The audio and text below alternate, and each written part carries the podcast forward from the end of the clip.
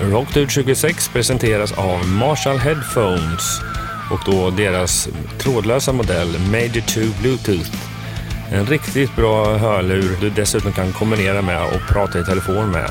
Den är enkel att navigera med med de små enkla knapparna som sitter direkt på hörlurarna. Vi är stolta över att ha Marshall Headphones som sponsor till detta avsnitt. Välkommen till Rockdude 26 och den här gången gästas vi av Jakob Herrman som jobbar på Top Floor Studios i Göteborg. Han är en ljudtekniker och trumtekniker och producent eh, som har jobbat för många olika band och varit ute på vägarna med bland annat Raised Fist som eh, just trumtekniker då. Han har grymt mycket erfarenhet av att jobba i alla dessa olika miljöer och så är du nördigt intresserad av att få veta mer om detta så kommer det här avsnittet vara perfekt. För er som har gått över till att lyssna på Rockdudes via Spotify så tipsar jag hela tiden om att gå in och lyssna på avsnittet via den utsatta playlisten. För då kommer ni när det kommer fram till musiktopplistan även kunna lyssna på låtarna i sin helhet. Men nu så tycker jag vi går över och lyssnar på intervjun med Jakob Herman. Välkommen till Rock Dudes. Och eh, den här gången ska vi försöka tekniknörda lite. Eh, Och vi har med oss en gäst som heter Jakob Herman. Välkommen! Tack. Hallå Jakob, är du trött från igår? Sliten? Ja, du var ju med så du vet ju. Jo, men jag drog rätt tidigt. det var lite roligt där. Vi hade bokat in Jakob för idag och helt plötsligt spontant så dök Jakob upp eh, på Par Banker. Men vad fan? Och vi känner inte varandra sen innan förutom lite så här nätkontakt och, och diverse. Och så bara, men vi ska ses imorgon. Och så dö, söp vi lite grann. Men Ja, det här jag- var min tredje utegångskväll så att jag drog relativt tidigt. och Du var lite väldigt duktig. Ja. Jag fick ju ett meddelande om att intervjun var redan klar så att eh, Kom till dukat bord. ja, man skulle nog haft med en mikrofon där, där och då. Ja. Ja, Det är var då kul. de bästa samtalsämnena kommer på eh, puben. Du vet, man har sån här iPhone-inspelning. Men det var kul att vara på Anchor. Jag har bara varit där en gång. Det var typ tio år sedan. Var jag där med ett band som jag spelade med. Alltså vilket då? Eh, Ett band som heter Modern Caveman som var ett, du vet, way back. Ett, ett gött band som jag hade. Eh, som inte finns längre. Men då spelade vi på Pub Anchor och eh, ja, jag var trummis så jag kunde sitta där bak och gömma mig. Men Mm. våran eh, goa sångare slash frontfigur, han, eh, han ställde sig där. För alltså vi spelade inte hårdrock, vi spelade ju liksom melodisk pop. Eh, Om man skulle säga rock så skulle man säga att eh, du vet, det, det, det blev inte hårdare än så.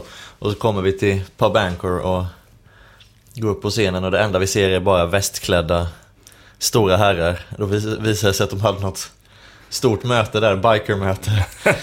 Jag var jävligt nervöst alltså. Ja, då gick det bra då?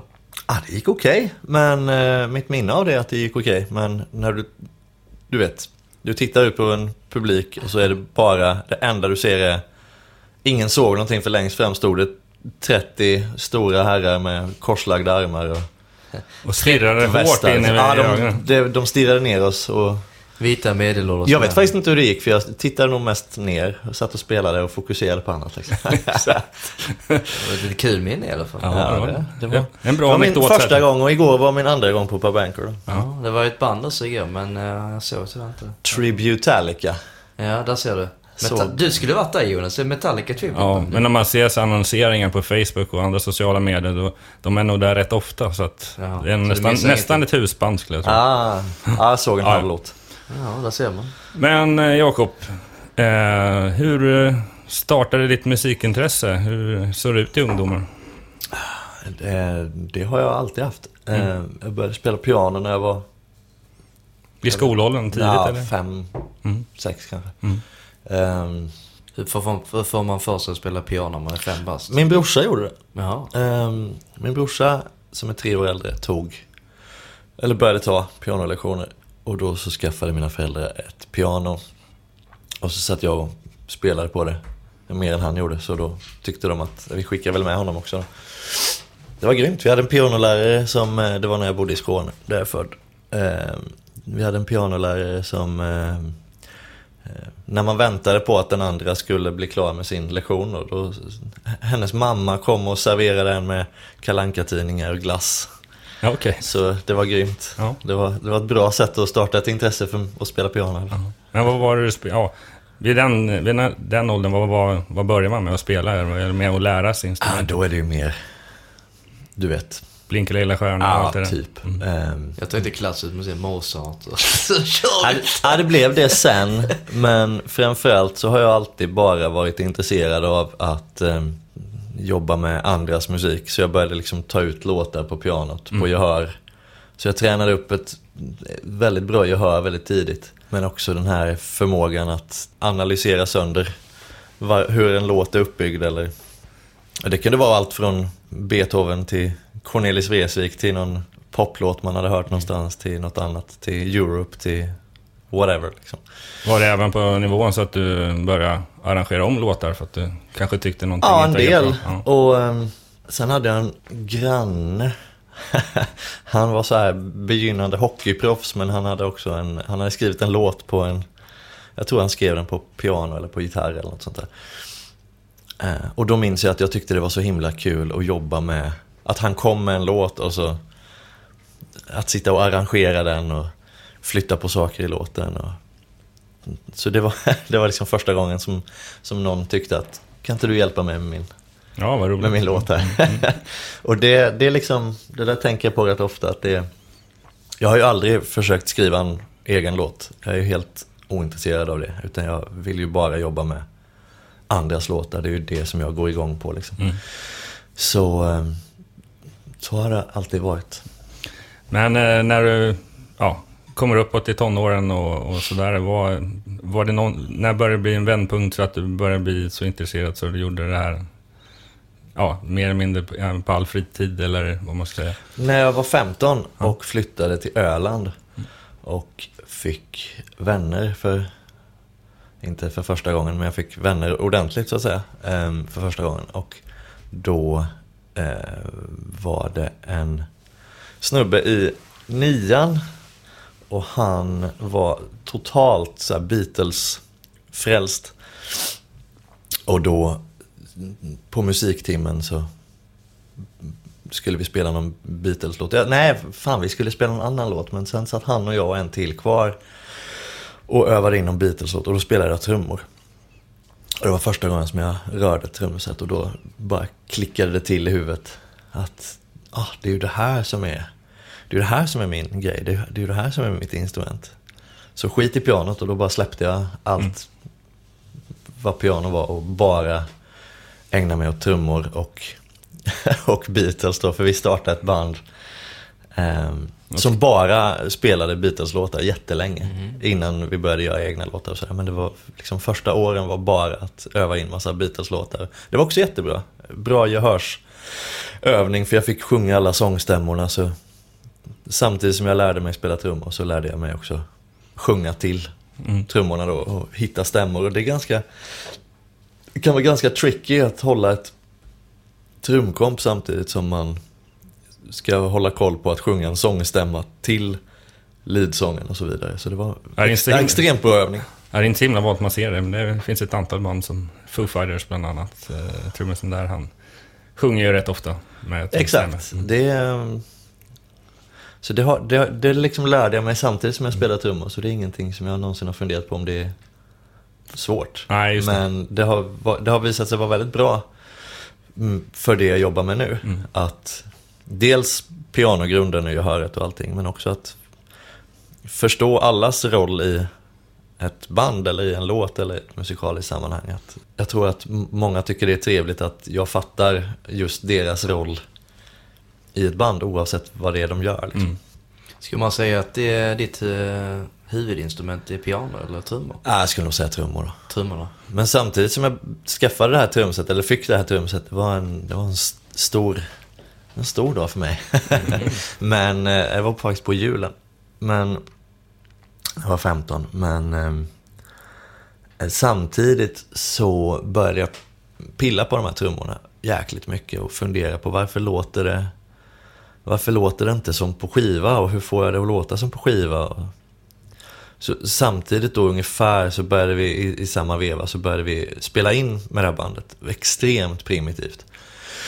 I replokalen som var ett garage. Och eh, senare i gitarristens eh, källare i hans föräldrars hus.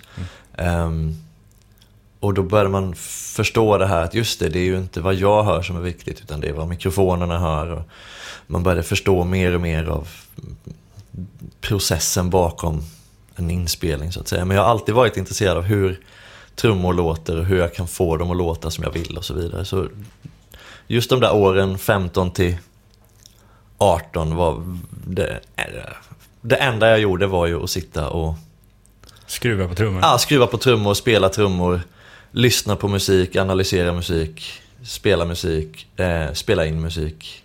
Det var liksom hela, mitt, hela min tillvaro. Mm. Var, Du, du är ju självlärd med andra ord, eller hur? Ja. Kan man säga. Mm. Ja, sen hamnade jag på folkhögskola på en musiklinje men det var inte en det var inte en musikproduktionslinje utan det var en sån här mer klassisk. Ah, kom hit och spela i två år. Ehm, så det var alla möjliga. Det var liksom, några var helt fantastiska som kom dit. Och några var snudd på nybörjare. Och det var väldigt intressant Ja, precis. blandning liksom. Ja. Men lä- Lärde du någonting, eh, tog du med någonting ifrån den tiden? Ja, det fanns en studio där. Och den studion var alltid obokad. Den enda, förutom mig, som satt där i princip var eh, Sverker Widgren som är eh, sångare i eh, Eh, Diabolical. Eh, ja, och sen har han ett annat band också, Diabolical. Ja, förlåt, inte Diabolical. Jag tänkte på Demonical, va? Just det, de är väldigt lika. Han har ju tre band, är Sentinex också. Men jag tänkte på att han är ju också studiekille ju. Exakt, och det är det som är, han var, han var den andra som satt där. Så han, han snackade jag med häromdagen faktiskt, för första gången på flera år. Men eh, vi sa att det skulle vara kul att jobba ihop. Ehm, nej, så han satt där också mycket. Men sen när han slutade sitt andra år, då började jag mitt andra år. Så då, Hade du studion för dig själv? ja, i princip. Och då träffade jag en polare, eller en snubbe som blev min bästa vän, som heter Johan, som jag sen startade det här bandet med. Men när vi träffades hans första dag, när hans, an, när hans första år började på folkhögskolan och mitt andra började, så sa han att eh, jag har en massa låtar jag behöver spela in. Och jag sa, jag behöver en massa låtar att spela in, för jag gör inte låtar själv.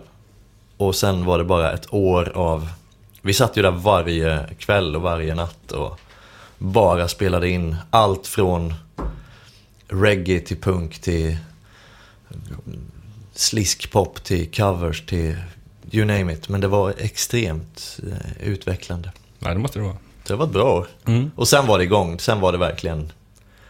Började du jobba sen efter? eh, Ja, alltså sen, det var då man kände att det är ju det här som är, det är ju det här jag gör. Um, Hur gammal var du då?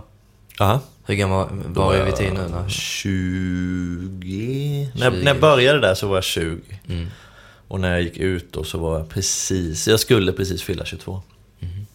Och då, då ville jag bara fortsätta i princip. Um, Vad för? Ja. Vad sa du? Nej, Fördelen med den här studion på folkhögskolan var att den, den var ganska primitiv. Det fanns liksom inte så mycket fancy stuff. Det fanns en digital porta och några mickar. That's it. Så det var jätteutvecklande just för att man blev tvungen att bli väldigt bra på att få trummor att låta precis som de skulle och få en gitarrstärkare att låta precis som den skulle. Bara med hjälp av ljudkälla och mick. Inte med efterbearbetning. Och när jag är och gästföreläser på ljudteknikerutbildningen, vilket jag är en del, så är det väldigt många som som tänker att ah, nu har jag ställt upp micken, nu går jag in i kontrollrummet och skruvar tills jag är nöjd och så blir de aldrig nöjda. ja. När de egentligen borde gå in och flytta micken. Och det enda jag gjorde i de här åren, det var ju att gå in och flytta micken tills, tills det lät så nära som det var tänkt. Ja, som det gick liksom. Och det har varit väldigt bra att få med sig. Att ändra ljudkällan och att ändra mickpositioner och så vidare. Istället för att försöka hitta ett... ett eh, istället för att försöka hitta rätt sen Mm. med andra medel. Liksom. Precis. Men det är väl det som är lite avbrott idag för de som börjar idag att med all digital hjälp och allt vad man kan göra, att man glömmer lite bort att... Det beror på. Man kan ju ha... Jag menar, jag är ju inget fan av att... Eh, kanske att ha för många alternativ. Det är inte alltid bra att ha en massa dörrar, utan begränsningar är det som tvingar en att ta rätt beslut, vilket leder till oftast till en väldigt bra produkt eller till en väldigt bra inspelning. Och det är ju någonting man kan bestämma sig för. Att man gör som ett dogma så att säga. Att man hanterar datorn mer eller mindre som en rullbandare. Mm. Det är ju upp till en själv. Men, och det är så olika från produktion till produktion. Med vissa eh, med vissa inspelningar så, så vill man ha den här Det analoga soundet. Ja, nej, ja, alltså det där också är rätt missvisande. Men till vissa produktioner är det väldigt skönt att, att säga nej, vi ska inte jobba på det här sättet. Och med andra produktioner så är det kanske tvärtom. Då, då är man verkligen ute efter att ett helt annat sound och ett väldigt digitalt sätt att jobba. Vilket också har si- sin charm och det är ett sound och det är en det är absolut inget fel med det. Och jag är, jag, är inget, jag är ingen motståndare till någonting, precis som att jag, jag hävdar ju alltid att all musik är bra, att det inte finns någon dålig musik, det är en för evigt pågående diskussion. Ja, det, är, Men, upp till betraktaren. ja, alltså jag brukar ju tänka att om det finns en person som gillar någonting så måste det per definition, Vad bra musik. ja då kan det inte vara dåligt, då är det bara jag som inte har förstånd eller kunskap nog att uppskatta just den musiken, men det betyder inte att den är dålig. Så jag vägrar ju prata om musik som jag inte tycker om, för det är ju bara jag som inte förstår. Men Har du några bra exempel på uh, grejer du har jobbat med när du har jobbat på de här olika sätten som du... ja, alltså, jag brukar ju tänka så här, det finns egentligen inga dåliga sätt att jobba, utan så länge man vet vad man är ute efter och strävar mot det redan i start, alltså redan vid pre-production eller redan när man börjar rigga för en inspelning, att man, att man vet vart man är på väg. Annars blir det bara att man hamnar någonstans. Och det kanske låter jättebra men det kanske inte låter rätt. Och där handlar det om att välja sina verktyg och gå från en punkt till slutmålet med en aktiv tanke i huvudet så att säga. Men eh, ja, just nu sitter jag och spelar in Key Marcello, gamla Europe gitarristen med hans femte soloplatta. Och det är ju ganska old schooligt tänk så att säga. När vi spelade in trummorna till exempel så det ska låta bra bara du höjer upp reglerna. Och då formar man ljudet på vägen in i mixerbordet och med olika burkar. Men man stänger också en massa dörrar. Man vet att det är det här soundet som ska bli. Och likadant med gitarrerna. Man ställer ett sound tills man vet att nu lutar sig ljudet mot varandra lite som ett korthus. Och sen kör man. Det är en väldigt basic approach egentligen. Eh, Men ni, gör jättemycket pre-production innan då eller? Med just honom eller? Händer, inte med honom har inte Nej. gjort. Eller han har gjort det själv, rättare sagt. Hur länge är ni i studion då? Det, Va? Ja, Ni, ni, hur länge brukar man vara i studion då? Med just Key tänkte jag. Marcel. Han eh, vi var, vi har kört, vi körde en vecka trummor ungefär. Och eh, en vecka gitarr, Mhm. give or take. Eh, så kommer han att fortsätta eh, själv tror jag med sången. Han har ju en egen studio. Och- Men det går det rätt fort ändå, om man tänker efter. Ja, men det... Han och hans trummis och basist Ken kan ju låtarna extremt bra. Trummisen är från London. Eh, Darby Todd hette han. Han flög ner och bara satte igång. Han kunde ju allting som ett rinnande vatten. Och så går man in och producerar lite och tycker till om vissa saker och försöker optimera låtarna. Det handlar inte bara om att sätta ett sound och trycka på knappen utan väldigt ofta också eh, forma låten så att allting passar med varandra så att säga. Men jag har också kört nu med ett eh, norskt popband som jag jobbar mycket med som är jäkligt roliga. Som heter Hängsrö Smie. Pop på norska. De är väldigt eh, old school. Ehm, det är gamla Fender Rhodes och gamla syntar och gammal pop, gammal vintage pop på norska. Och det är kul, då brukar jag åka upp till sångaren som har en, en, eh, ett hus på sin gård där det går får utanför och betar och så sitter man där och kör pre-production och sen kommer de till Göteborg. Men då säger vi att nu behandlar vi datorn som en rullbandare och så bara trackar vi. Sen med andra band som Batar till exempel, Batar, är ju ute efter ett extremt fejkat ljud för att, ja det låter lite konstigt att säga men det ska inte låta helt mänskligt, det ska gärna låta så exakt som det går. Och då jobbar man ju på andra sätt, då, är man, då jobbar man väldigt inne i datorn från start. Men som jag sa, det är inget fel med det heller, bara man... Bara man når fram till det. Man... Ja, bara man gör det av rätt anledning. Liksom. Ja. Men din egen studio ligger i Göteborg va? Top floor. ja. Och eh, hur länge har du haft den då? Vad är du inne på nu? Tionde året eller? Kan man säga så? Ja, beror på hur man ser det. Alltså, efter den här folkhögskolesvängen så fick jag ett jobb i Alvesta. När jag flyttade dit, jag fick ett jobb som trumlärare på kommunala musikskolan. Och det var precis efter den här folkhögskolesvängen. Så jag visste med mig att det här kommer att bli mitt tråkigaste år någonsin. Men jag hade jobbat ihop eh, pengar. Så jag köpte studieutrustning och dealade till mig att få ha mitt undervisningsrum där jag hade mina trumlektioner. Att även få ha det som inspelningslokal. Och att ja. jag skulle ha tillgång mer eller mindre när jag ville. Så det enda jag gjorde i ett år, jag såg ju verkligen till att inte göra någonting annat på helgerna, inte lära känna några personer, vilket var omöjligt också för att ingen över 19 år stannar i Alvesta utan alla drar direkt efter gymnasiet. Men eh, du vet, gick till jobbet, spelade trummor, undervisade trummor, vilket också blev användbart sen. Just det här att kunna coacha ut. eller, Exakt. eh, informera om olika sätt att jobba med en låt. Det var, det var ju elever som var ganska gamla och ganska avancerade. Men sen när de gick hem så eh, satt jag bara i den här lokalen och stämde trummor, spelade in trummor, köpte mer och mer prylar, eh, sparade alla pengar och köpte prylar och eh, det var det enda jag gjorde ett år. Och då kom ju studion igång så att säga. Då, var, jag, då var jag igång och tog betalt För själva inspelnings... Ja. Eller studion i sig. Ja. Så det var ingen riktig plan? Det var mer typ att du ville samla på lite schysst utrustning till dig själv och sen blev det en studio? Nej, nej. Planen var hela tiden att det skulle vara en studio. Ja, okej. Det, det, det var, det, den planen fanns tidigt.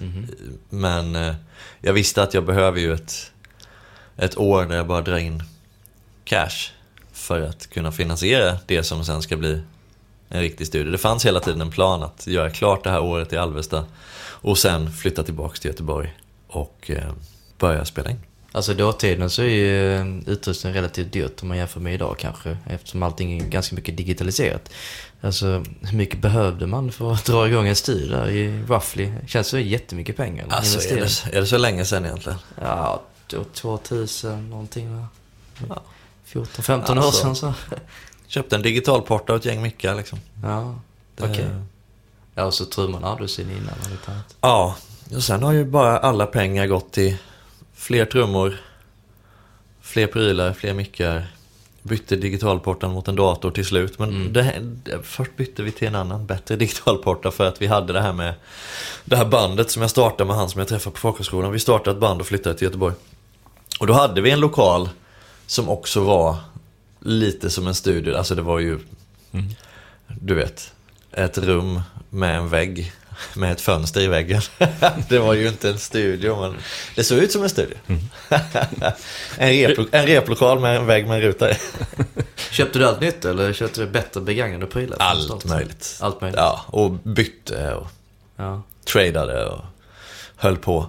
Ehm, men det roliga var att i samma veva så började jag skriva för eh, Musikermagasinet som nu inte är kanske så stor som den en gång var. Men då var det ju verkligen en jättestor tidning för musiker och för ljudtekniker och sådär. Så jag började skriva för dem.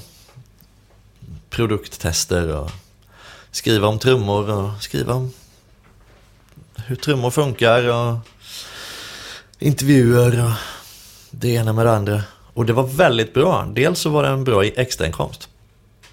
Men dels var det också en möjlighet att få hänga med några av de mest nördiga ljudtekniska kunnande människorna någonsin. Inte bara de på redaktionen och de omkring utan man fick ju en direkt kontakt med tillverkare. Jag hade ju liksom många långa härliga konversationer på mail och telefon och på riktigt och i verkligheten och vidare med tillverkare av musikinstrument och tillverkare av mikrofoner och ljudtekniker på väldigt hög nivå. Mycket högre än jag själv. Plus att man hade en liten väg in att kanske få lite schyssta rabatter på utrustning och sådär. Så det var ju världens bästa extraknäck. Parallellt då med studiobiten, för den tog ju skitlång tid att få så pass rullning på ekonomiskt att man kunde göra bara det. Så jag drev, jag drev faktiskt en trumtidning på nätet också där några år som jag levde på lite grann med annonsintäkter och sådär. Mm. Så det var mycket, mycket parallellt ett tag med bandet och skrivandet och online-tidning och studio. Men alla var ändå inom samma område så det gav sådana extrema synergieffekter vilket var väldigt bra. Vad fick ge med sig då? Jag håller på med det. Allt fick ge med sig utom studion. Ja. Först fick... Ja, det var väl typ samtidigt. Men först fick nog skrivandet ge med sig. Mm. Och det var faktiskt för att eh, det blev lite dubbelt. Då hade jag ju börjat jobba, tror jag, tror jag hade börjat jobba live med Raised Fist då, som trumtekniker. Men jag vet att det var, det som var avgörande var lite när jag jobbade med Europe och producenten Tobias Lindell i Studio Bohus, som nu inte finns längre. Um, för då jobbade jag ju med Europe i studion på en platta samtidigt som jag fick frågan av tidningen, kan inte du göra en intervju med bandet?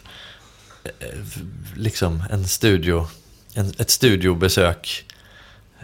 Och då sa jag att ja, fast jag är ju jag är ju en del av det och det blir lite konstigt. Så gjorde jag det ändå, men det kändes jäkligt weird. Och då beslutade jag mig för att det här, de här två hjälper inte längre, de här två världarna hjälper inte längre varandra utan de snarare blockerar varandra. Um, så, men det var inget svårt val, det var ju, alltså, då var ju studiobiten i rullning så det, den här skriv, skrivande grejen var ju bara en bisyssla så den, den strök jag. Mm.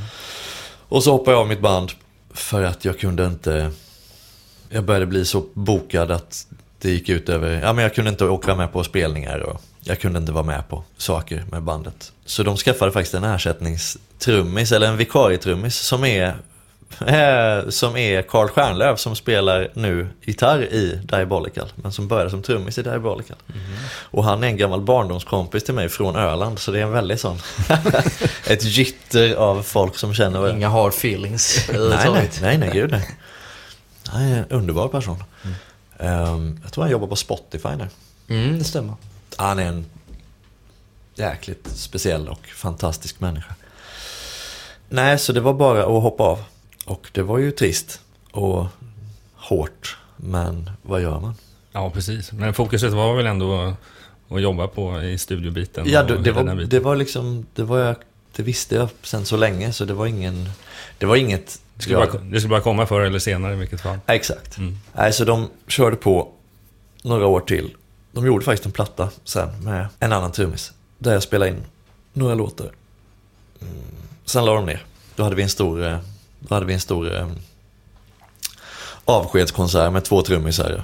Det var skitkul. Ja, ja. Eh, det var asfett. Eh, kom massa folk som man inte hade sett på flera år. Och, det var jätteroligt. Mm. En, en trevlig avslutning på ett band som aldrig blev stora. Men det, det är ju inte så... Himla massa roligt. Det är, det är inte så viktigt det där med att det ska bli stort. Det är viktigare med att det är, att det är trevligt. Musik kan ju också få finnas till för sin egen skull. Ja, exakt. Det måste ju inte bara, just den här drömmen om storhet. Det är ju inte alla som spelar golf som vill bli Tiger Woods. Och det är inte alla som tycker att schack är en skön hobby som vill bli stormästare utan saker kan också bara få finnas till för att de får en att må bra och det är någonting man vill syssla med och så vidare. För det är väl det som är den stora skillnaden också, att när man gör saker och ting lite mer, i situationstecken, hobbymässigt, eh, det blir ett himla mycket mer allvar när man ska gå hela vägen liksom. Och precis den resan som du har gjort för att bli studiotekniker, man får göra en massa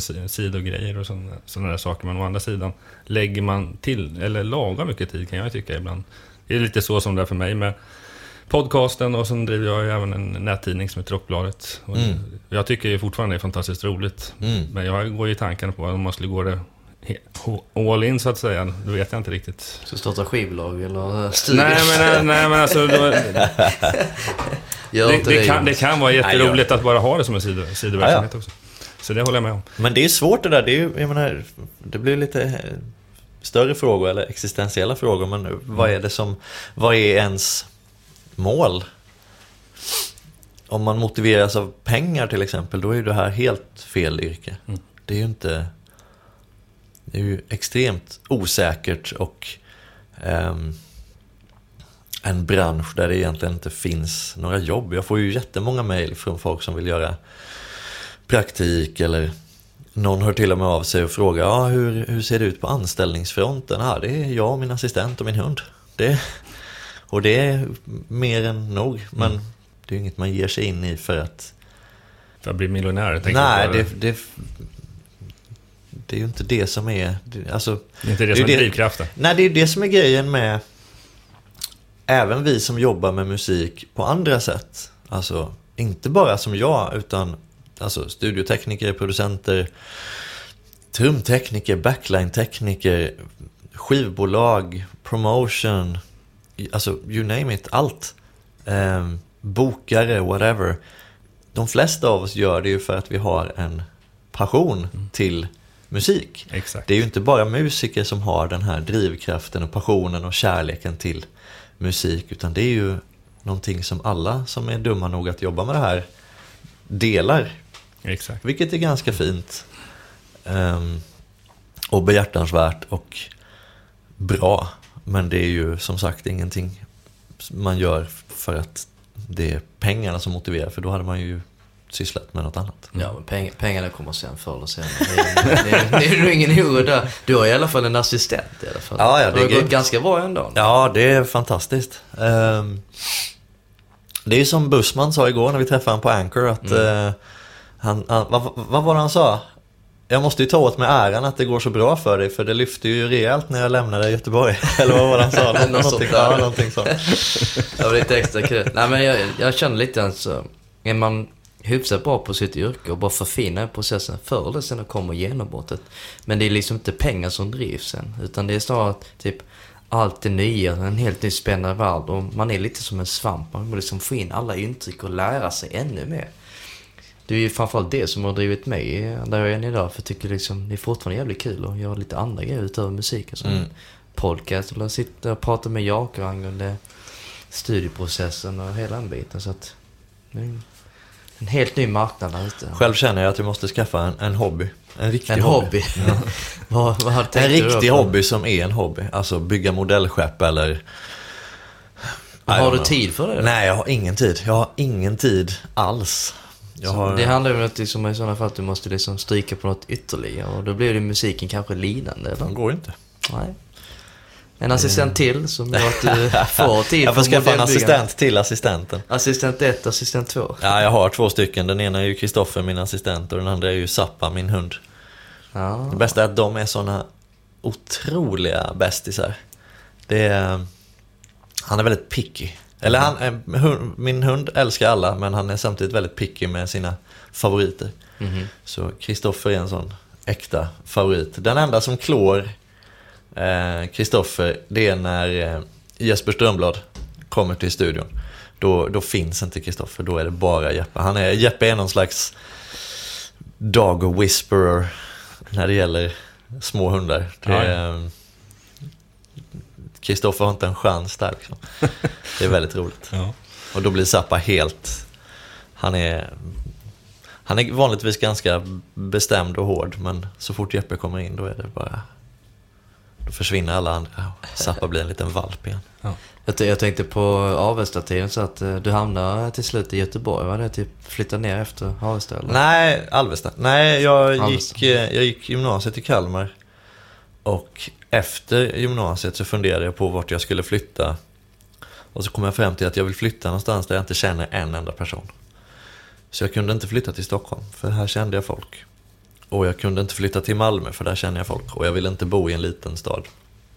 Så då fick det bli Göteborg. Mhm. Ehm, jag var på väg till Köpenhamn också ett tag. Ehm, där kände jag faktiskt en person. Så det var väldigt nära att jag försökte mig på att flytta dit, men sen blev det Göteborg ändå. Och det var grymt. Det var, då kom jag ju till ett ställe där ingen kände mig, så det var ju fantastiskt. Kunde du bygga upp din... din ja, eller vad vad var den största skälet till att du ville flytta dit? Ingen... Där du inte hade någon anknytning till? Jag var lite less på... Kalmar är ju en liten stad.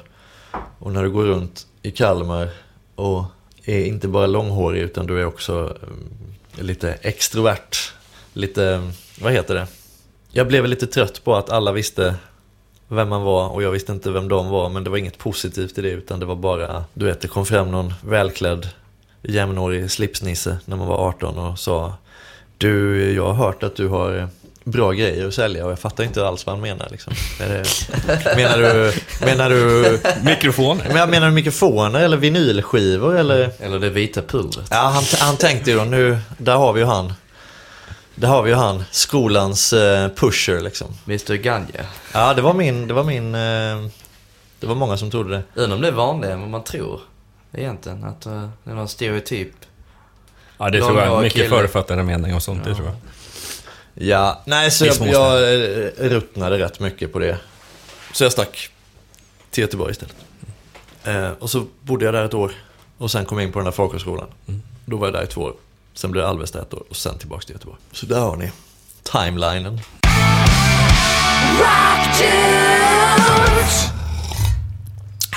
Välkomna till eh, Rockdudes Idag med mig, Jakob. Det klipper vi. Nej, det där var ju bra! Äntligen så fick vi med ett litet kaffesurp eller vad Ja. Röst. Ja, för fan. Den här, eh, den här Kan du inte prata dagen så efter hela Anchor tiden? och Harry B. Ja, du får prata så i resten av programmet. Då tror vi att vi har två gäster. Ja, eh, vi har min eh, andra gäst här. Åh jävlar vad kul det var igår. Eh, någon dude. Ja, Det är ju Ja, jäkligt ofta när jag är ute och folk kommer fram och säger att jag ser ut som Dave Grohl. Det händer väldigt ofta. Ja. Och så kom det fram en snubbe igår och hade en ny touch på det, vilket jag tyckte var väldigt kul. Då sa han, har, har någon sagt att du är väldigt lik Dave Grohls brorsa Steve Grohl? Har han en brorsa som heter Steve? Jaha. Det var ju bara bullshit. Men det var väldigt roligt. Vad gjorde du? Gått i det? Ja. Eller du tog det med en eh, amerikansk accent? Yes. It is me. Men när jag var i Tokyo så lyckades vi faktiskt lura en person där att jag var Dave Grohl på riktigt. Fick du gratis sprit då eller? Nej. Vad fick du? Ett ligg? Inte det heller faktiskt. Det höll, det höll i eh, 15 sekunder för sen började jag skratta. Men det var roligt. Eh, vi går tillbaka till, eh, eller går tillbaka tillbaka. Vi börjar prata lite mer om eh, projekt du har jobbat med på Top Floor Studio och, och band du har jobbat med specifikt. Ja, alla de har ju inte varit i Inte i Top Studios utan i eh, andra studior i andra sammanhang och sådär. Ja, för du åker ganska mycket på studiebesök kan man säga. På ett visst sätt. Eller? Jag åker runt en del och jobbar antingen som inspelningstekniker eller producent eller trumtekniker eller... Det är ju... Dels älskar jag att jobba med andra. Jag tycker det är skitroligt. Jag tycker det är förbannat roligt att eh, producera en platta som sen ska mixas av någon annan. Eh, jag tycker faktiskt det är något av det roligaste som finns. För då, dels så försöker man ju, ja man är på tå liksom. Man, man anstränger sig verkligen för att göra ett så bra jobb som möjligt till den här mixteknikern. Ehm, vilket har lönat sig eller visat sig funka för det är väldigt ofta som de hör av sig och sagt att åh det var den, var den lättaste platta att mixa jag varit med om och det tycker jag är väldigt roligt. Men Mixar du någonting själv eller? Ja, ja, jag mixar, mixar själv också. Men det är lika ofta som andra mixar. Och det är ju lika ofta som jag kanske föreslår att någon annan ska mixa. Just för att jag har spelat in ett band nu till exempel som heter Nox Vorago i Göteborg. Vi har haft en sån riktig långkörare. Det började med att de skulle spela in trummor men sen blev det mer och mer att de kände att de ville göra allting hos mig. Eller med mig. Eh, det blev jäkligt bra. Och då sa jag att eh, det här tycker jag faktiskt att ni ska mixa med Roberto Lagi. Eh, som jag jobbar mycket med. Eh, han är ju en fantastisk producent men också helt överjävlig på att mixa. Och då kände jag att jag vill inte mixa det här. Jag tycker verkligen ni ska gå till honom för han har rätt approach för det här. Och det är roligt. Det är, mm. det är jäkligt spännande att jobba med andra på det sättet. Så det gör jag väldigt mycket. När du går in som inspelningstekniker eller producent, är det ofta att du vet vem det är som kommer och mixar senare? Och... Ja, ofta. Mm. Och ofta är det någonting bandet kanske har bestämt att vi vet att det ska vara Tobias Lindell eller det ska, det ska vara Roberto eller det ska vara Tue Madsen eller eh, Jakob Hansen. De här två danska producenterna som också är väldigt, väldigt duktiga på vad de gör. Då vet man det sen innan att det här ska mixas eller det här ska produceras av den och den. Och då, det är väldigt roligt. Då har man kontakt med dem innan. Och, och du känner ju de andra sen förut också. Så att du har ju liksom ja, exakt. Ja, och det, det är väldigt givande att tar man jobba ihop på sådana sätt. Ja. Tar man hänsyn till sånt? Vem det är som kommer att ta hand om grejerna i efterhand? Eller? Ibland. Ja. Ibland inte. Det beror ju lite på också vem som håller i beslutsfattandet. Som en Oxverago var jag ju mer eller mindre diktator från början till slut. Vad ska man säga? Demokratisk diktator. Och då får ju Roberto en färdig produkt. Att det här är, det här är vad som ska mixas men alla beslut är liksom han har inte varit inkopplad från start. Men sen eh, är det ju tvärtom ibland. Eh, nu ska jag ju snart spela in med Amaranth. Och eh, då kommer jag att spela in en del. Jakob Hansen kommer att spela in en del. Men det är ju han som är producent mm. för den plattan. Men sen när jag gjorde Art Nation-plattan, då var det ju tvärtom. Då var det ju jag som var producent och Jakob Hansen är med och mixar. Så då tas ju inga beslut från hans sida. Men oavsett vilket, det är väldigt det är ett roligt sätt att jobba med. Att, ibland jobbar man på ett sätt tillsammans och sen kanske man jobbar med samma person fast på ett helt annat sätt. Ja. Och blir det inte mycket om det är två studier i respektive länder också? Ja, jo, det kanske jo, det är det väl. Alltså, men... Och sen kanske inte produkten blir i sin helhet för att det är en viss utrustning här. Nu, nu mixar man i och sig och hela den biten och, och master, men jag tänkte så här det finns ju fördelar och nackdelar med allting. Absolut. Och det är ju det som är skärmen, att det finns ju ingen given formula eh, för hur man ska göra, utan det är, det är lite det som är roligt också. Att varje projekt får ha sin formel. Hur man ska göra någonting eller hur man kommer fram till någonting eller hur beslutsfattandet tas eller hur man når ett sound. Eller det, jag tycker det är väldigt kul. Att, att det inte bara är så in, löpande band, ut. Utan det, det finns en, det är en organisk process. Hur är det att åka över till staterna och jobba då med andra ja, Det är väl kul. Fråga de som har gjort det. Ja. Nej. Grejen är att eh, 2014 var roligt. Då var det liksom, var ju då som jag fick göra lite lite småjobb åt Jamie Jasta i Hatebreed och um, Machine Head och första gången jag jobbade med Evergrey. Jag ska spela in dem nu igen. Eller de ska till Top Floor. Um, om, ja de kommer in nu nästa vecka. Um, men innan, innan 2015 så hade jag ju knappt varit någonstans. Och sen 2015 så blev det liksom arbetsresor till Tokyo och New York och New Orleans två svängar och sen en turné med Amaranth som monitortekniker. Det var mer som en, eh, det var mer som en eh, liten semester, att göra något annat, att komma ifrån studion. Åka iväg och dra på turné bara för att se något annat en stund. Det var väldigt roligt. Hur länge var den turnén? Fem veckor. Fem veckor som monitor? Jaha, okej. Okay. Tekniker.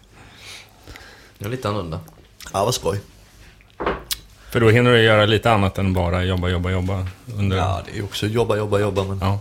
Ett annat sorts jobb kanske? Ja. Men det var...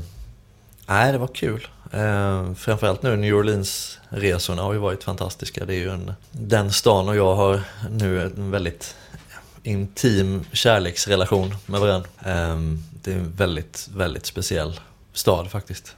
Rätt musikal tänker du på? Ja, det med. Men rent allting. Alltså det, den, den är ju inte som någon annan stad.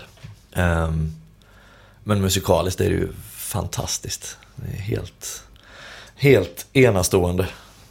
Det måste ha hänt rätt mycket sen eh, hela den där översvämningshistorien. där. Katrina är Ja. tio år sedan nu. Ja. Om, man, om man verkligen är intresserad av New Orleans och effekten av Katrina, men också musiken och kulturen, då finns det en serie på HBO som heter Tremé. Som handlar om ett, eh, vad heter det, neighborhood, ett, ett, ett område Ja, i stan som heter Tremé. Som ligger typ där vi spelade in Mm. eh, och där vi bodde. Som är en otroligt bra tv-serie. Väl värd att titta på. Cool. Nu pratar vi lite om eh, Machine Head och, och eh, Evergrey. Och Det är bara ni som vill prata om Ja. Machine Head och Evergrey. Ja, nej, men du har ju pratat lite om dem, men vilka andra genrer och grejer har du, har du jobbat med i, på, i studion? Du pratade lite om den här norska popgruppen det är bland annat. mycket alltså. Jag känner ofta att jag spelar in alldeles för lite blues. Jag älskar ju blues. Jag har spelat väldigt mycket blues själv. Ehm, Jag vet inte varför det har blivit så lite. Det hade varit roligt att göra mer sånt. Men eh, Finns det inte lika... Eller jag vet inte, bluesen är väl inte död på något sätt, men just i Sverige ja, så känns det väl som att det... Ja, det finns inte hur mycket band som helst som... nej, Tar jag upp vet det där. inte. Det är väl också att det har ju blivit mycket metal. Dels för att en sak leder till en annan och man är ju inne i metalvärlden och det är inget fel med det. Jag älskar metal lika mycket som the next person. Mm. Eh, Men det är ju alltid roligt att göra olika saker. Men jag har spelat in allt från bluegrass till jazz till pop till rock till... Finns det någonting du inte spelat in som du skulle vilja testa? Ja, massor. Jag skulle vilja testa att producera en dansbandsplatta till exempel. Det hade varit fantastiskt. Det har jag ju aldrig gjort. Med lite hårdrocksinfluenser? Nej, bara rent, rent av dansband. För Det det är dansband med lite skrik så. ja, men det är, en, eh, det, är en, det är en genre som jag inte alls har någon koll på. Och det hade ju varit skithäftigt att sätta sig in i det. Och, Hur funkar det? Då måste man göra en massa research, lyssna på Vikingarna i tre ja, dagar. eftersom jag inte har gjort det så ha- har jag inte haft en anledning att göra det. Men du vet, det hade väl varit en utmaning. En jävla utmaning. Lyssna, jag vet ju knappt någonting om den genren, men jag vet om att det är precis som hårdrocken, en massa subgenrer och så allt möjligt. Så, men, men, Konstigt. Ja, Så- nej, inte konstigt. Nej, det, men för oss är det konstigt. Vi har ju ingen koll på den. Nej, jag tror de har ingen koll världen. på oss heller. Nej, nej. att- Det är totalt inte. Verkligen inte. När du pratar om utmaningar, vad, finns det andra saker som... Ja, nya utmaningar du skulle vilja göra? Eh, andra Alltså delar du, jag är mitt i det, Mm. kan jag säga. Det är, just nu är varje dag en utmaning. Att vakna upp efter baksmällan? Alltså, nu, bara för att du och jag var ute igår, nu låter det som att, nu låter det som att jag är sån riktig ut och festa dude. Jag har ingen, jag har liksom aldrig eh, tid med det. Det här är ju... Ja, jag ska Jag, bara jag, lite. jag har en öl i kylen och den har stått ett år. Ja. Ja. Det är- Släng den, jag tror det är bäst före-datum har gått Ah, ut för länge sedan. Ja, det är nu någon gång i vår. Precis. Ehm, Nej, men Ja. jag är mitt i utmaningarna faktiskt, för det, det är så mycket nu. Eh, och just nu är faktiskt utmaningen att få ihop Schemat. schemat. Ja. Det, för nu har det varit back-to-back projekt och överlappande projekt ehm, hela våren, så det är ju grymt att jag har min assistent Kristoffer just nu. Det hade faktiskt inte funkat annars. Så nu är man väl mitt, nu är man väl på, i halvlek på den här konstiga, konstiga våren. Först var det ju New Orleans-resan. Sen efter det så var det massa jobb med Batar. Och sen var det direkt på, eh, vad fan var det sen? Ja, sen var det nog mer med New Orleans. Då höll vi på att lägga sång hemma i Göteborg. Jag och Martin, han som har det projektet. Och sen, eh, sen var det liksom direkt på det här norska bandet. Och direkt från det till Kim Marcello. Och sen nu är jag här i Stockholm Mm. för att göra en grej Mm. som tyvärr är hemlig. Och sen så fort jag kommer hem så är det Evergrey och efter Evergrey så är det Amaranth. Så det, den här våren är... Vad var kopplingen i Tokyo då? Tillbaka till det. Det var det, var det här gänget Batar. Jaha, okej det var där. Mm. All right. Det, de har ju massa japanska fans. Det är väldigt gulligt faktiskt. Eh, deras fans är stora fans till min lilla hund. Så, eh, alltså de, du vet, de, deras fans har liksom gjort egna fanvideos av min hund, av min studio Jycke. Eh, som de älskar högt. Och så la bandet upp en bild på eh, när hunden satt i basistens knä. Och bara la upp den och då var det liksom direkt 30 japaner som skrev Åh, de är kolla det är Zappa, Åh, de är i Top Floor, Åh, ny skiva. Det är liksom, de visste direkt. Peppen är igång. Ja, ja, Zappa är nog Göteborgs mest väldokumenterade hund tror jag. Men det är ett, ett svenskt band, men det var i Japan med dem och gjorde en... Ja, då, vi var i Japan av en anledning som jag tyvärr inte får säga än. Okej. Eh, men det är jäkligt stort.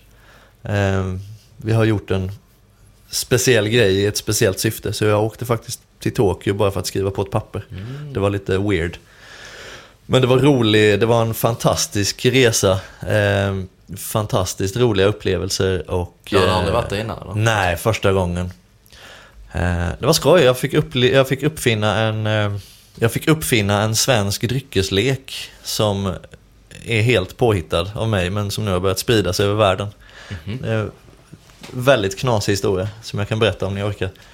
Ja, ja, Absolut. vi kör. Alltså så här va. Det finns ett ställe i Tokyo som är en liten, det är nog inte större än det här rummet. Det är en två meter lång bardisk och två soffgrupper, that's it. Det får plats max 20 personer om man verkligen knör. Och vi är där, jag och Batar, och det är tydligen en big deal att vi är på det här stället. Man får inte vara där om man inte är musiker i Japan typ. Och han som äger det, Kenji, en liten skintorr 50-60-årig snubbe med ärr över hela kroppen och fejdad Yakuza-tatuering och jävligt hård person helt enkelt. Vi är där på någon jättekonstig utekväll och ägaren ställer fram en flaska sprit och ett gäng shotglas. Och jag får för mig att, eh, jag vet inte varför, men jag säger eh, till Patrik i bandet som pratar japanska. Jag säger till honom, nu får du översätta. Och så säger jag, nu ska jag, eller jag säger det faktiskt på engelska. Jag, jag sa, I will teach you a Swedish drinking game. Och så översätter han och japanerna blir väldigt intresserade. Jag, vet ju inte vad jag håller på med, det här är någonting jag hittar på on the fly. Så jag säger till trummisen Tobbe, ställ dig upp. Eh, ställ dig upp Tobbe så eh, häller jag upp en shot åt honom och ger honom shotten. Varsågod. Och han, han måste ju spela med liksom. Jag har ju precis sagt att det här är en gammal svensk Sed. det är en gammal svensk dryckeslek. Så han, han drar shotten och jag eh, lappar till honom i ansiktet. En sån örfil. Ja, visste inte ens om det eller? Nej, han hade ingen aning om vad som skulle hända. Liksom. Han blev helt tagen på sängen. Klockan är väl två, tre på natten. Liksom. Och japanerna blir helt tokiga. De älskar ju, de älskar ju förnedrings-tv av en anledning. Liksom. Så de blir ju helt crazy då. Så de börjar utmana varandra. Liksom. You and me, du vet. Nu jävlar. Så alla står och tömmer den här flaskan och bara lappar till varann. Alltså, all, du vet, efter 20 minuter sitter alla på stället med röda kinder och är är helt, ja, och helt väck liksom. Och eh, då säger, och jag bara lutar mig tillbaka och Skratta. Titta på det här mayhemmet som jag har startat. Och så slutar det med att det är en liten klunk kvar i flaskan och så säger trummisen till mig. Och då är han ganska tankad. Då har ju han fått både shottar och käftsmällar så det räckte blev över. Då reser han sig upp och tittar på mig med sjukt ostadig blick och säger Du och jag, nu är det du och jag. Jag fick aldrig, jag fick aldrig eh, göra tillbaks på dig liksom. Och han är rätt stor, han är rätt musklig så jag blir ju lite skraj. Så jag tänker, fan jag måste ju, det här, det här pallar jag inte. Jag, kommer ju dö, han kommer att träffa fel och slå huvudet på mig. så jag börjar, jag börjar, jag börjar ställa till det i huvudet på honom och fråga liksom, men minns du nu vad du ska göra? Har du nu koll på hur det gick till? Och han blir lite os- osäker och han blir liksom lite två på bollen. Så. så han ger mig shotten och jag står och frågar honom hela tiden. Gör rätt nu och du vet, han blir, han blir lite, han börjar fundera för mycket. Liksom. Så jag drar shotten och smäller till honom igen då. Och då tyckte japanerna att det var det roligaste någonsin, så de jublar ju liksom. Och det sjuka är att man tror att det är över där, men sen när jag var i New Orleans i höstas så var jag på en bar och berättade den här historien för bartendern som går igång järnet på den här historien. Så det slutar ju med att även den bardisken då så står folk och bara lappar till varandra. Och bara ah, Swedish drinking game, Swedish drinking game. Och sen har vi hört lite efteråt Och då visar det sig att eh, varje gång det kommer in nytt folk, vilket det gör hela tiden i New Orleans för det är en stor turiststad, så har de skrivit ibland att ah, jag står och kör Swedish Drinking Game med ett gäng från Frankrike. Liksom. Så nu börjar det här sprida sig. Men hur är det då i Tokyo då? Alltså, stannar det av eller fortsätter därefter till nästa Ja, stad? det roliga, roliga är att nu när Patrik var tillbaka så eh, träffade han en som hade varit på det stället där det började. Som är svensk, som hade gått in och då hade det tydligen varit, ah, du är från Sverige. Swedish Drinking Game. Nej, vad fan. Den personen har ju inte en blekaste aning. Vad fan, det här är ju inte alls Nej, vad nej. jag är van vid. Ja, ja. Hela Angel. Och det var, ja, exakt. Nej, så det var lite, det är en ganska knasig story. Kommer ut, kommer ut gul och blå. Vad fan. ja, men det var, det var intressant. Det skapar ju nya framsteg vart det än går, tänkte jag säga.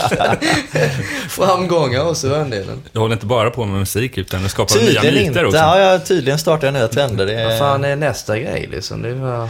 Det är svårt att toppa den. Ja. Jag tror att man kan alltid toppa någonting. Det är som... Jag tänkte säga något helt annat, men jag låter. Det är ändå en barnvänlig podd, så vi håller oss där.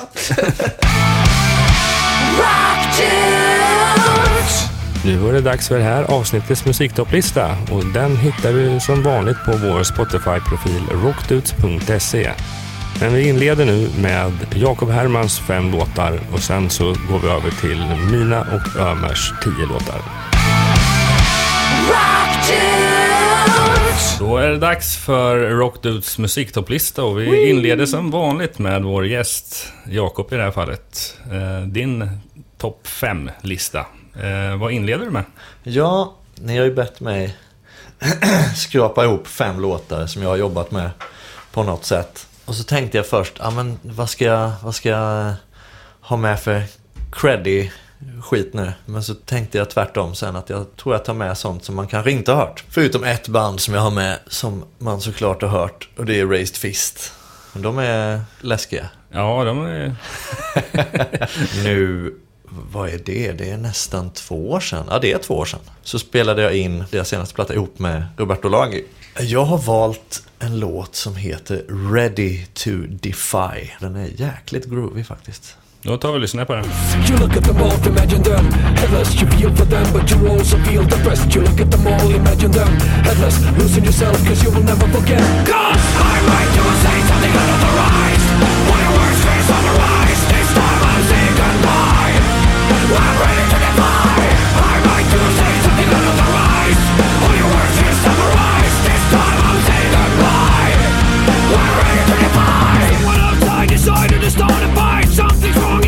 Eh, vad har du som nästa låt?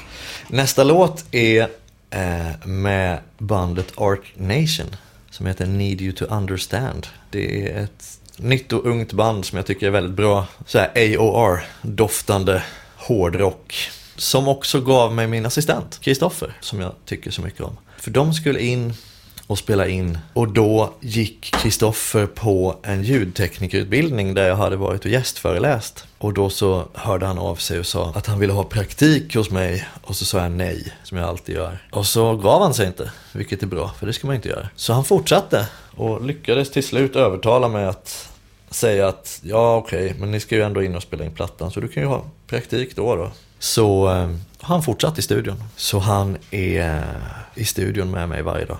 Så den inspelningen gav mig inte bara ett fantastiskt duktigt band med en otroligt duktig sångare, Alexander Strandell, utan också en assistent som har blivit mer eller mindre oumbärlig. Kul! Då tar vi och lyssnar på Art Nation.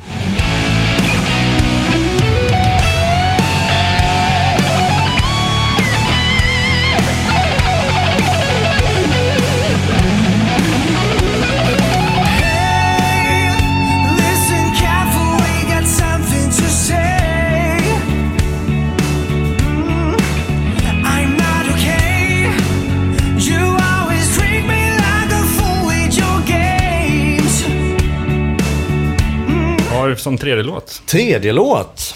Det är det här bandet Batar som jag var i Japan med. Och skapar en, en nytt... En ny lek. En ny dryckeslek, ja precis.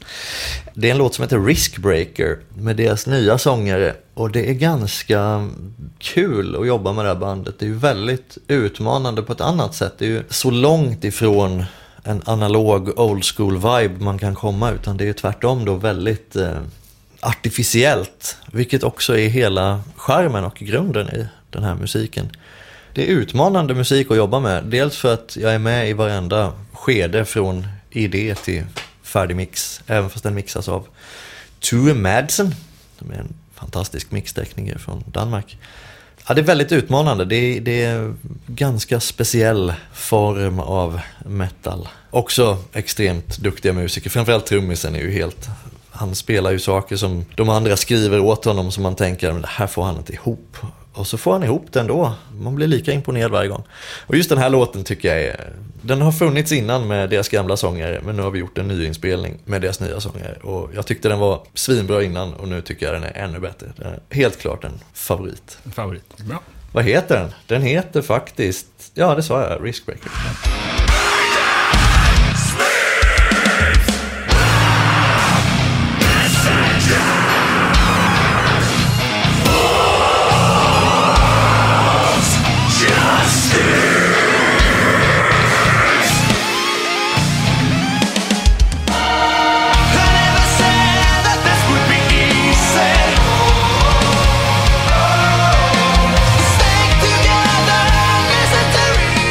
Då var det nummer fyra. Nummer fyra. Som fjärde har jag faktiskt tagit med ett band som heter Meiosis. Och det är synd att fler inte har hört det här för jag tycker det är så jäkla bra. Vi gjorde en fyraspårs-EP och mycket tid har lagts ner i det här. Från pre-prod fram till mix och mastering. Dels är det väldigt speciell musik. 10 minuters låtar som har en, vad ska man säga, en tydlig rörelse från start till mål som är väldigt skön att följa med i. Det är absolut musik som man ska lyssna på i ett nersläckt rum med hörlurar och inga störande moment. Men det här är en låt som heter Zwei som jag tycker det är synd att det inte har fått mer spridning. Så därför kände jag att det här vill jag verkligen att någon ska höra och tycka är lika bra som jag tycker.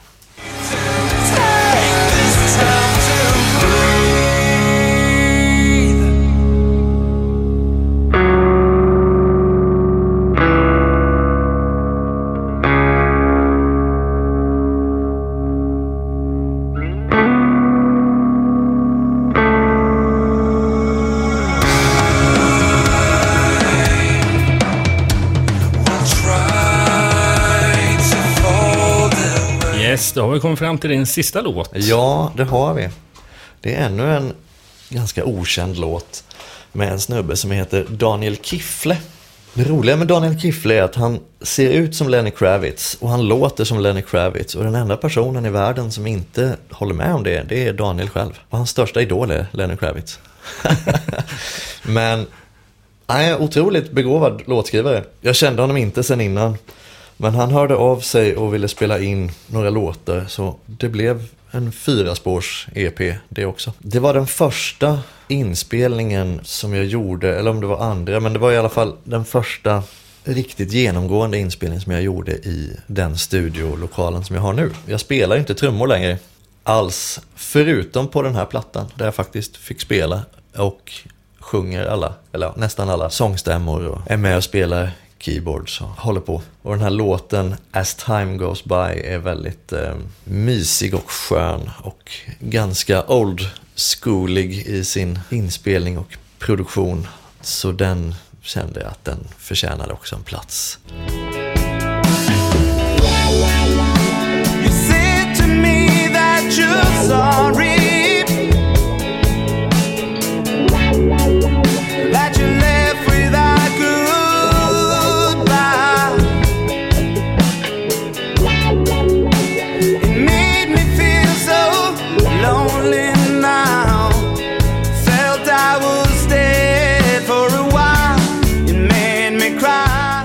Var det dags för Över om min topp 5-lista här nu då. Och eh, vi kör Ömer först. Och första låten, det är väl ett band som du har jobbat med förut va? Stämmer bra det. Ett eh, ja, Falkenberg, Göteborgsband som jag var med och eh, släppte första plattan. Eh, The Unguided eh, med Hellfors då, för fem år sedan faktiskt. Så nu är de tillbaka. Ligger dock inte på mitt skivbolag längre. De har gått vidare till mina konkurrenter. Fan! så deras tredje platta eh, heter Lust and Loating och jag har valt låten Enraged. Det är öppningsspåret på plattan. Så eh, nu, har de, nu ska de åka iväg på sin första Europa Headline-turné i april så det ska bli kul att checka in dem.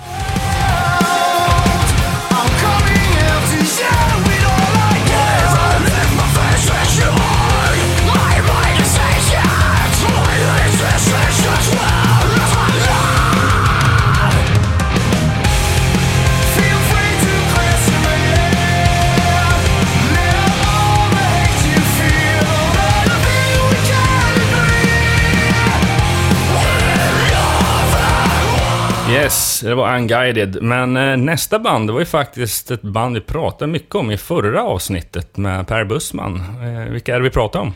Alltså jag fick inte inspiration baserat på det avsnittet vi spelade in med bussman, men eh, jag satt faktiskt och bläddrade i Ginsa-katalogen och så att jag har släppt en vinyl med Danzig eh, från Skeleton-skivan. Jag tänkte, vad fan, det har inte jag, måste fixa. Hur som helst så valde jag eh, NIB, coverlåten med Black Sabbath, Ozzy på sång. Tyckte det var lite kul att ta fram något udda den här gången. Men med det sagt, inget slår originalet.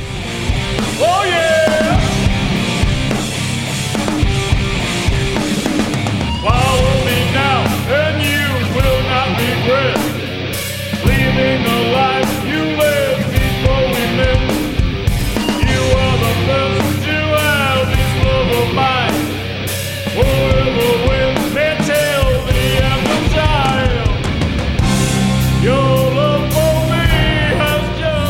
Var det Danzig med NIB.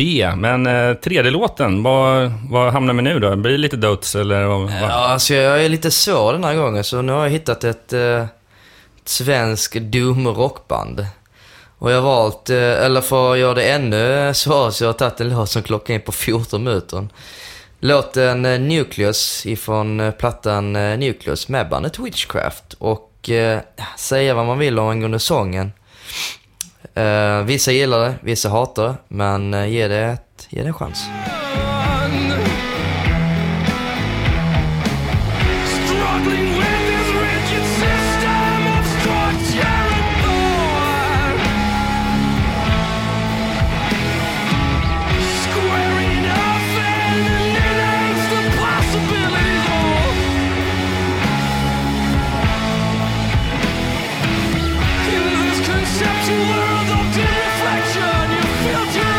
Doomrock alltså, med eh, Witchcraft.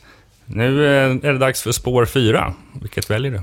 Jag trodde jag signade alla Female eh, rockband där ute. Alltifrån Crucial till Thundermother. Men eh, jag upptäckte faktiskt eh, ett band som spelar på Rockskallen i Visby för några veckor sedan. Tillbaka. När Thundermother spelade med Back of Babies. Och det var ett band som hette Maidavale. Och det här är en blandning mellan Janis Joplin och Black Sabbath. Otroligt eh, coolt och jävligt häftigt att kolla på. Så att, eh, men de är väldigt tidiga i sin karriär och men vi kommer nog att höra mer från dem med låten eh, Dirty War, EPen.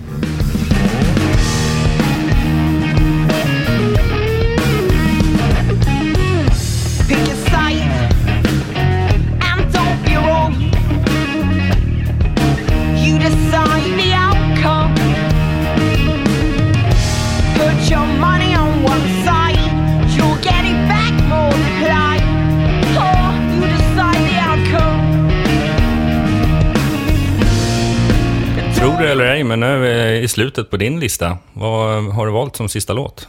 Ett av mina favoritband när det gäller eh, gammal, eh, eller gammal retrorock, ändå lite modern touch på det. Spiritual Beggars är tillbaka. Då, då har jag valt en låt som heter Sunrise to Sun som är titelspåret på plattan. Och eh, ja, man säger inte så mycket. Man ska egentligen ha koll på Beggars så ja, that's it.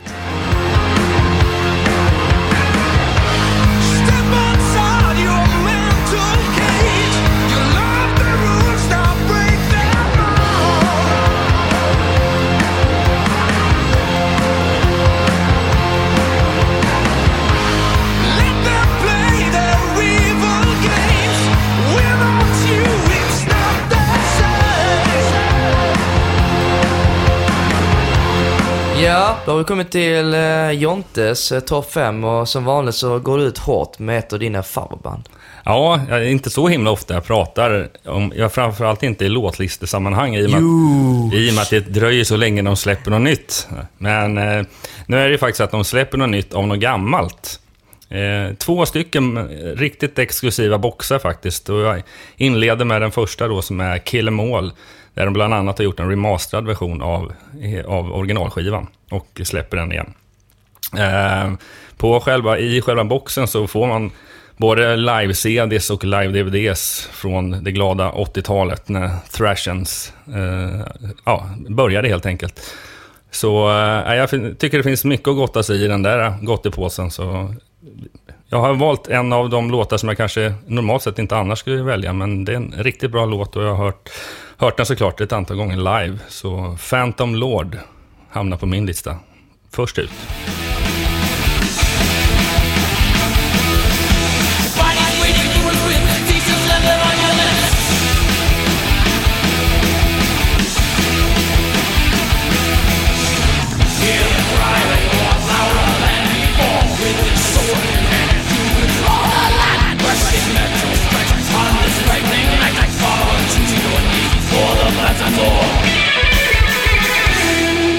Nästa låt är faktiskt ett band eh, vars vår klippa har varit med i en gång i tiden.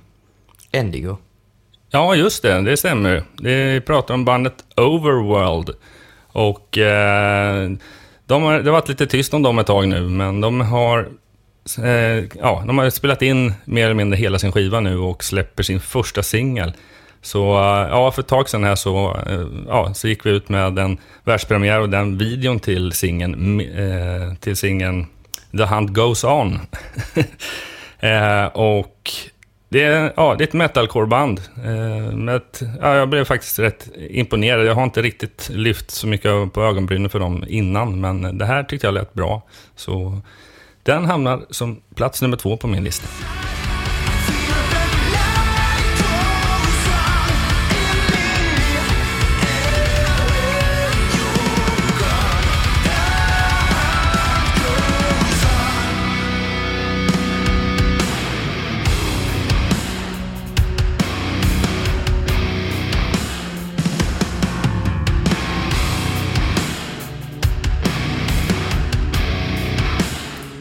Från metal, hårdrock till, till det här var lite väl udda. Alltså kommersiell pop. På, Ja, ja det, den, den här gången tänkte jag chocka mig själv framförallt, men kanske även ni som lyssnar på detta. Och jag har valt eh, en eh, ny Gwen Stefani-låt faktiskt. Men faktum är att jag har en ganska stark relation till det bandet hon spelade i eh, fram till för drygt tio år sedan. No doubt. Eh, så jag har en, ändå någon form av eh, popådra, även att No doubt kanske var lite mera, lite mer hårdare än vanlig kommersiell pop. Men Gwen Stefani, hon eh, har ju med sin solokarriär eh, gått från klarhet till klarhet och har släppt ett antal stycken eh, riktigt stora hits som Baby Don't Lie, Rich Girl och The Sweet Escape. Men nu är det alltså dags för en ny singel som heter Misery, så den hamnar på plats nummer tre.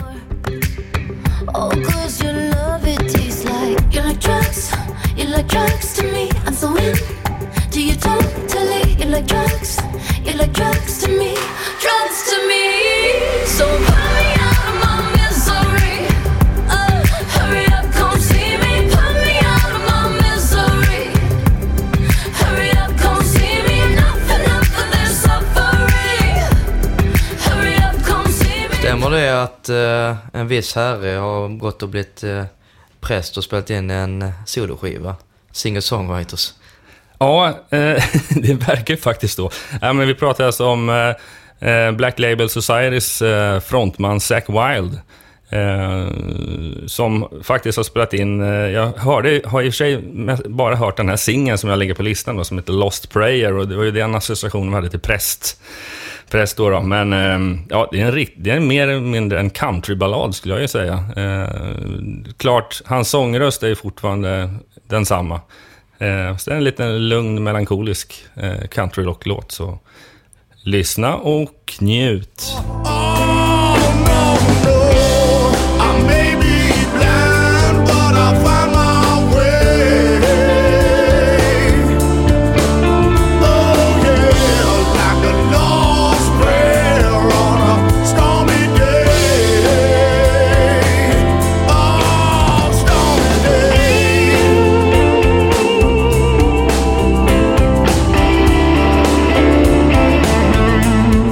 Med Metallica och vi avslutar med Metallica.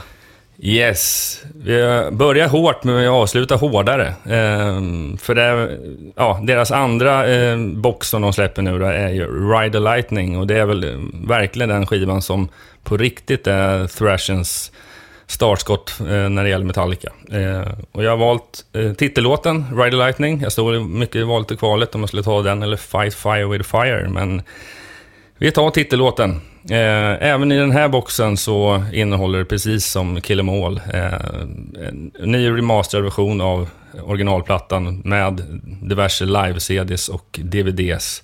Plus att du även kan ta del av Lars Ulriks första intervju i början på 80-talet. Så nu tar vi och lyssnar på Ride Lightning.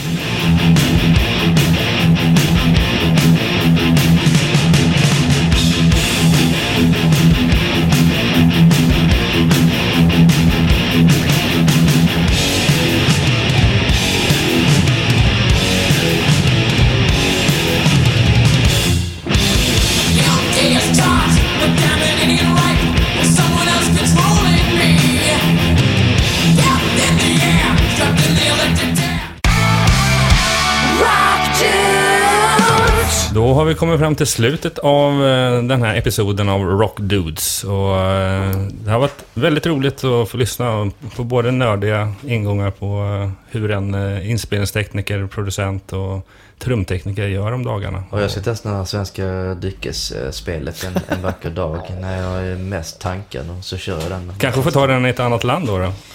Ja, Får ju hjälpa mig att sprida det här nu. ja Turkiet kanske blir Vi kan, vi, kan, vi kan träna ihop om du vill. Jag är faktiskt i Stockholm i fem dagar till. Jag är ganska kort så att jag hoppar. Vi ska inte missa med varenda gång. Ja, men det har varit väldigt roligt att ha med dig i våran podcast. Ja, det var jättetrevligt. Tack så mycket. Ha det gött. Tja! Ja, då har vi kommit till slutet på Rockdude 26 och vi vill tacka dig som har lyssnat på det här avsnittet. Du får gärna gå in på vår Facebook-sida och skriva några kommentarer om vad du tyckte om det här avsnittet. Även tipsa oss om eh, framtida gäster och även vad du bara tycker om hela podcasten. Du hittar oss på Rockdudespodden. Vi som har jobbat med det här programmet är jag själv, Jonas Löv, och min co-host Ömer Akai. Och han som har redigerat eh, avsnittet heter Endigo. Gingen är inspelad av Peter Månsson, Jonas Hermansson och frontfiguren i Crucified Barbara, Mia Coolheart. Nästa avsnitt, Rockdude 27, kommer att publiceras den 20 maj och då gästas vi av inte mindre än Elise Ryd från Ambrant. Fram till dess, rock on!